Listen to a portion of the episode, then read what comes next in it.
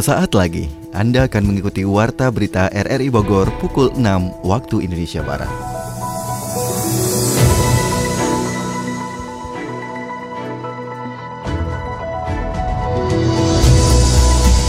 Selamat pagi, salam jumpa. Kami kembali hadir dalam Warta Berita pagi ini, Kamis 27 Mei 2021. Siaran ini juga dapat Anda dengarkan melalui audio streaming RRI Play pada perangkat Android Anda, serta pula dapat Anda dengarkan kembali melalui podcast kami di Spotify, Anchor, Podtail, dan Google Podcast. Warta Berita RRI Bogor ini turut disiarkan Radio Tegar Beriman Kabupaten Bogor. Berikut kami sampaikan berita utama. Menteri Koordinator Bidang Perekonomian Airlangga Hartarto mengatakan realisasi dana pemulihan ekonomi nasional mencapai 183,98 triliun atau 26,3 persen dari total pagu sebesar 699,43 triliun. Polresta Bogor Kota membentuk tim khusus untuk pengamanan aset warga Gria Melati. Personel khusus yang memang dia tidak ngantor lagi di Polres, tidak ngantor lagi di Polsek, hanya khusus untuk menangani di Gria karena ini menjadi luar biasa ya. Bersama saya Gagah Biasa, inilah Warta Berita RRI Bogor selengkapnya.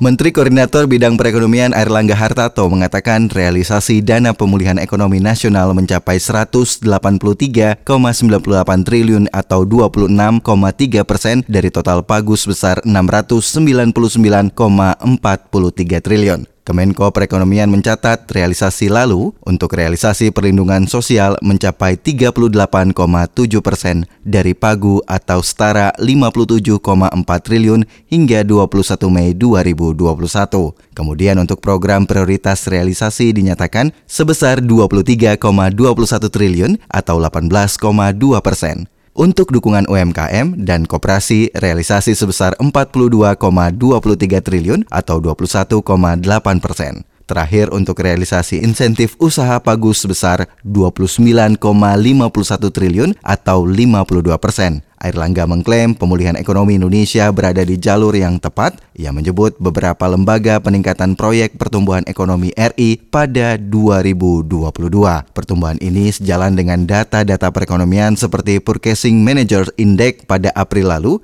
yang melonjak ke level 54,6. Lalu indeks keyakinan konsumen IKK pada April optimis di posisi 101,5 persen. Gubernur Jawa Barat Ridwan Kamil meresmikan penggunaan Gedung Pusat Kreativitas Bogor sekaligus sebagai wahana rekreasi anak muda. Sony Agung Saputra melaporkan. Generasi muda Bogor saat ini mempunyai wadah untuk menyalurkan minat dan bakatnya di bidang kesenian dan kebudayaan dengan hadirnya Bogor Creative Center di Jalan Juanda Kota Bogor atau kantor Bakorwil Provinsi Jawa Barat. Dalam gedung Bogor Creative Center tersebut masyarakat terutama generasi muda mempunyai wadah untuk berkesenian karena terdapat berbagai ruangan yang bisa digunakan untuk galeri dan pengerjaan hasil seni. Gubernur Jawa Barat Ridwan Kamil secara resmi memulai penggunaan Bogor Creative Creative Center dengan adanya sejumlah pameran karya seni dan budaya dari seniman di Tatar Pasundan. Dirinya menyampaikan generasi muda dapat memanfaatkan Bogor Creative Center ini untuk menghasilkan barang seni budaya bernilai tinggi sehingga bisa menjadi daya tarik wisatawan mendatangi Bogor. Ada banyak hal yang bisa dilakukan anak muda di gedung Bogor Creative Center sehingga bisa menambah daya jual dari hasil kesenian tersebut. Hari ini saya meresmikan Creative Center Bogor untuk dipergunakan untuk wilayah Kota Bogor dan sekitarnya, di mana anak-anak muda yang selama ini berkreasi di ruang-ruang marginal, di ruang-ruang pribadi, ruang-ruang sempit, sekarang kita fasilitasi di sebuah tempat di tanah milik provinsi di Kota Bogor untuk dijadikan tempat mengekspresikan dan mentransformasikan karya menjadi nilai ekonomi. Rumusnya sederhana, kalau mau pintar bergaulah dengan orang-orang pintar, pasti ke bawah pintar. Kalau mau kreatif, bergaulah berhimpun bersama orang-orang kreatif pasti terbawa kreatif. Inilah yang menjadi semangat. Nantinya akan ada sejumlah pameran dari seniman dan budayawan di gedung Bogor Creative Center karena area tersebut terdapat sejumlah ruangan dan auditorium yang bisa digunakan untuk menyaksikan visualisasi hasil karya anak muda seperti film atau tayangan kreatif lainnya. Pemerintah Kota Bogor juga siap memfasilitasi semua aktivitas anak muda agar bisa menjadi insan berguna dengan hasil karya yang membanggakan. Heran deh ah. Heran kenapa? Tuh, banyak banget yang bangga posting-posting barang mewah dari luar. Iya sih ya, ngapain juga pada bangga? Padahal negara kita tuh banyak loh karya-karya hebat. Maksudnya? Ya saudara-saudara kita tuh banyak yang punya talenta hebat. Iya juga sih ya. Sebenarnya kan produk kita itu nggak kalah hebat sama produk luar kan? Nah, itu betul. Tapi masa pandemi ini tuh kita prihatin banget loh. Makanya kita harusnya bantu mereka nih. Dengan cara apa? Ya bisa belanja di usaha mikro, belanja di usaha ultra mikro. Pokoknya beli-beli karya produk Indonesia lah. Nah, bener tuh. Kalau bukan kita yang peduli, siapa lagi? Tapi jangan cuma ngomong doang, beneran beli. Iya, iya. Bangga menggunakan produk negeri sendiri, bentuk perjuangan di saat pandemi.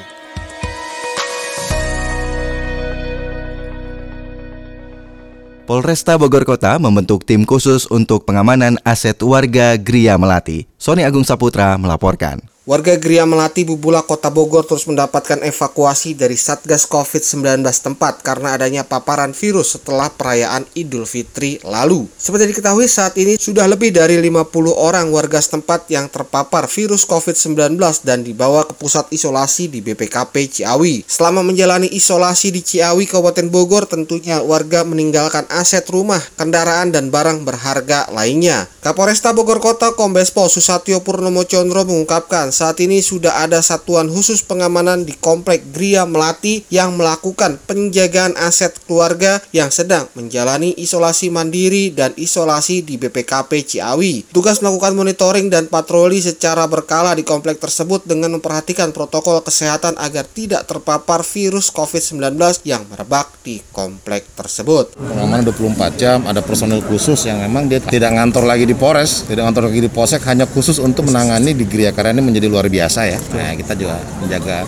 properti dan sebagainya milik masyarakat di Gria. Melibatkan kita langsung membentuk Satgas penanganan karantina area terbatas langsung dipimpin oleh Pak Wakapolres untuk berkoordinasi dengan semua 10 dinas ya yang hadir di sana sehingga penanganan kita terkait dengan membatasi interaksi sosial di antara masyarakat di sana itu bisa dikendalikan. Kemudian pihaknya juga melakukan koordinasi dengan berbagai pihak, baik itu dari pemerintah Kota Bogor dan Satgas di semua tingkatan agar bisa mempercepat kesembuhan warga Gria Melati dari paparan virus COVID-19.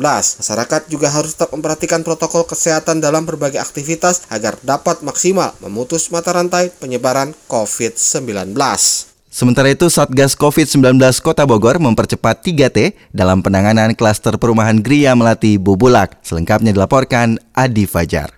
Penanganan kasus COVID-19 dari klaster perumahan Gria Melati Bubula Kota Bogor terus berlanjut. Satgas COVID-19 terus memperketat pengawasan dan memaksimalkan 3T untuk memutus mata rantai penyebarannya. Kepala BPBD Kota Bogor Teofilo Patriciano menjelaskan, Satgas di tingkat RW terus berupaya menelusuri kontak erat warga yang terpapar untuk dilakukan penanganan lebih lanjut. Dinas Kesehatan bersama dengan puskesmas setempat secara rutin juga melakukan swab test kepada warga baik yang telah terkonfirmasi positif maupun yang melakukan kontak erat. Dari Dinas Kesehatan akan secara rutin melakukan pemeriksaan antigen atau PCR bagi warga yang ada kontak erat di lokasi sehingga bisa terisolir sehingga mencegah penyebaran. Dari teman-teman puskesmas melakukan pemantauan ataupun surveillance kesasaran keluarga baik yang sudah positif maupun yang masih belum diharapkan agar tidak bertambah. Selain membangun dapur umum dan memfasilitasi warga dengan pasar keliling dalam pemenuhan kebutuhan logistik, Satgas COVID-19 dikatakan Theo juga memberikan layanan apotek keliling bagi warga yang membutuhkan obat-obatan. Apotek keliling oleh teman-teman dari Dinas Kesehatan sehingga ke masyarakat atau warga di perumahan yang boleh ke mana-mana kalau mereka perlukan obat misalnya disiapkan oleh Satgas COVID. Hingga saat ini, perumahan Gria Melati Bubulak masih dilakukan penjagaan ketat oleh petugas gabungan dari kepolisian, TNI, dan Satpol PP. Seluruh akses keluar masuk warga sangat dibatasi untuk menghindari meluasnya penyebaran COVID-19.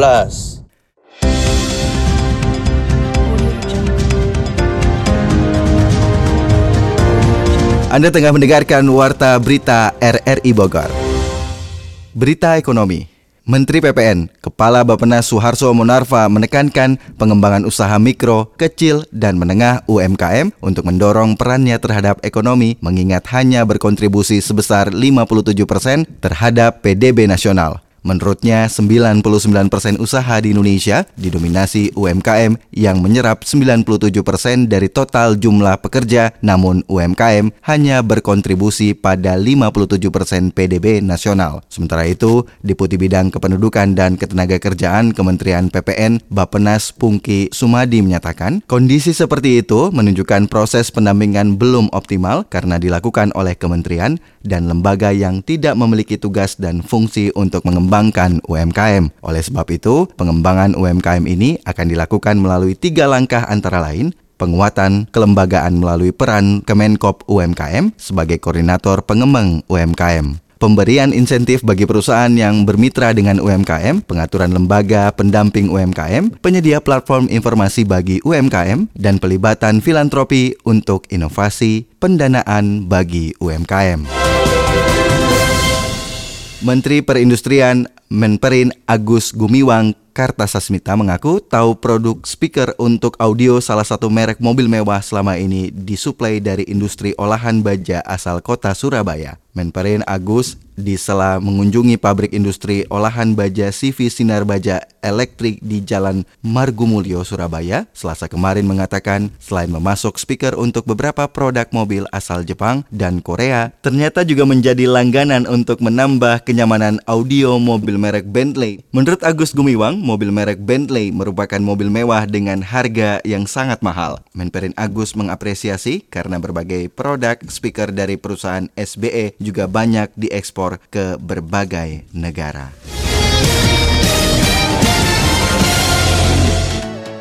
Kita beralih ke berita olahraga. Timnas Indonesia gagal menundukkan Afghanistan dalam laga uji coba. Skuad Garuda tumbang 2-3 setelah tertinggal 3 gol terlebih dahulu. Indonesia versus Afghanistan berlangsung di lapangan latihan GA Sport Center and Shooting Club, Dubai Selasa malam waktu Indonesia Barat. Gawang Indonesia sudah dibobol Afghanistan pada menit ke-6. Indonesia harus kembali kebobolan saat babak kedua baru berjalan 4 menit. Gol Afghanistan tercipta lewat skema umpan silang. 3-0, Indonesia tertinggal. Indonesia berhasil memperkecil ketertinggalan menjadi 1-3 di menit ke-59 melalui Egi Maulana Maulana yang baru masuk di babak kedua. Muncul menyambar umpan Kushedia Hari Hyudo, gawang Afghanistan kembali dibobol Indonesia pada menit ke-64 melalui Adam Alis, memperkecil ketertinggalan. Indonesia menjadi 2-3 setelah menyambut bola umpan Egi dari skema tendangan bebas. Indonesia kembali mengancam Afghanistan di menit ke-88 dari sontekan Yudo masih mampu dihalau kiper lawan. Tak ada gol tambahan dari Indonesia hingga laga tuntas, Afghanistan keluar sebagai pemenang dengan skor 3-2. Ketua Federasi Arung Jeram Indonesia Faji Kabupaten Bogor, Tubagus WJ Dinur mengatakan cabang Faji Kabupaten Bogor terus melakukan persiapan untuk menghadapi babak kualifikasi Pekan Olahraga Provinsi ke-14 Jawa Barat 2021. Berikut laporan Ermelinda. Tubagus Wajedi Ketua Faji Kabupaten Bogor mengatakan cabang Federasi Arung Jeram Indonesia Faji Kabupaten Bogor terus melakukan persiapan kepada para atlet yang bakal diturunkan pada babak kualifikasi Pekan Olahraga Provinsi BK Prof ke-14 Jawa Barat 2021. Apalagi persiapan tersebut merupakan langkah Pengca Faji dalam mencapai hasil yang maksimal dalam perebutan tiket menuju Porprov 2022 mendatang. Sementara ini Faji Kabupaten Bogor ya sedang mencoba mencari-cari atlet, mendidik atlet ya persiapan BK. Memang karena situasi pandemi COVID ini yang sangat luar biasa ya, berdampak dan berpengaruh juga kepada persiapan latihan atlet. Ya perkembangannya ya, alhamdulillah sampai saat hari ini Kabupaten Bogor yang memang pada Porda tahun lalu itu mendapatkan juara umum ya sangat luar biasa berat lah menghadapi persaingan dari kabupaten kota yang lain apalagi kita bukan sebagai tuan rumah gitu ya tapi ya kita tetap berusaha dan ingin mencoba bagaimana caranya kita bisa mempertahankan atau lebih menjadi juara kembali gitu latihannya ya kita coba latihan fisik coba dilakukan di Setu terus juga di Ciantan ya teman-teman Binpres juga berupaya untuk tetap menggenjot para atlet ya untuk bagaimana kita bersaing di Porda nanti. Ia menjelaskan bahwa tim Arung Jeram BK Porprov Kabupaten Bogor tengah rutin menjalani pemusatan latihan bersama tim pelatih sebelum bertanding di ajang BK Porprov 2021. Karena kesiapan tersebut sangat penting mengingat Pengcap Haji Kabupaten Bogor menargetkan minimal minimal 7 medali emas dari semua nomor yang akan dipertandingkan pada Porprov 2022. Saat ini Pengcap Faji tengah fokus menatap Porprov 2021 karena hal ini merupakan bagian dari upaya Pengcap untuk mengulang sukses prestasi yang pernah diukir pada Porda tahun 2018.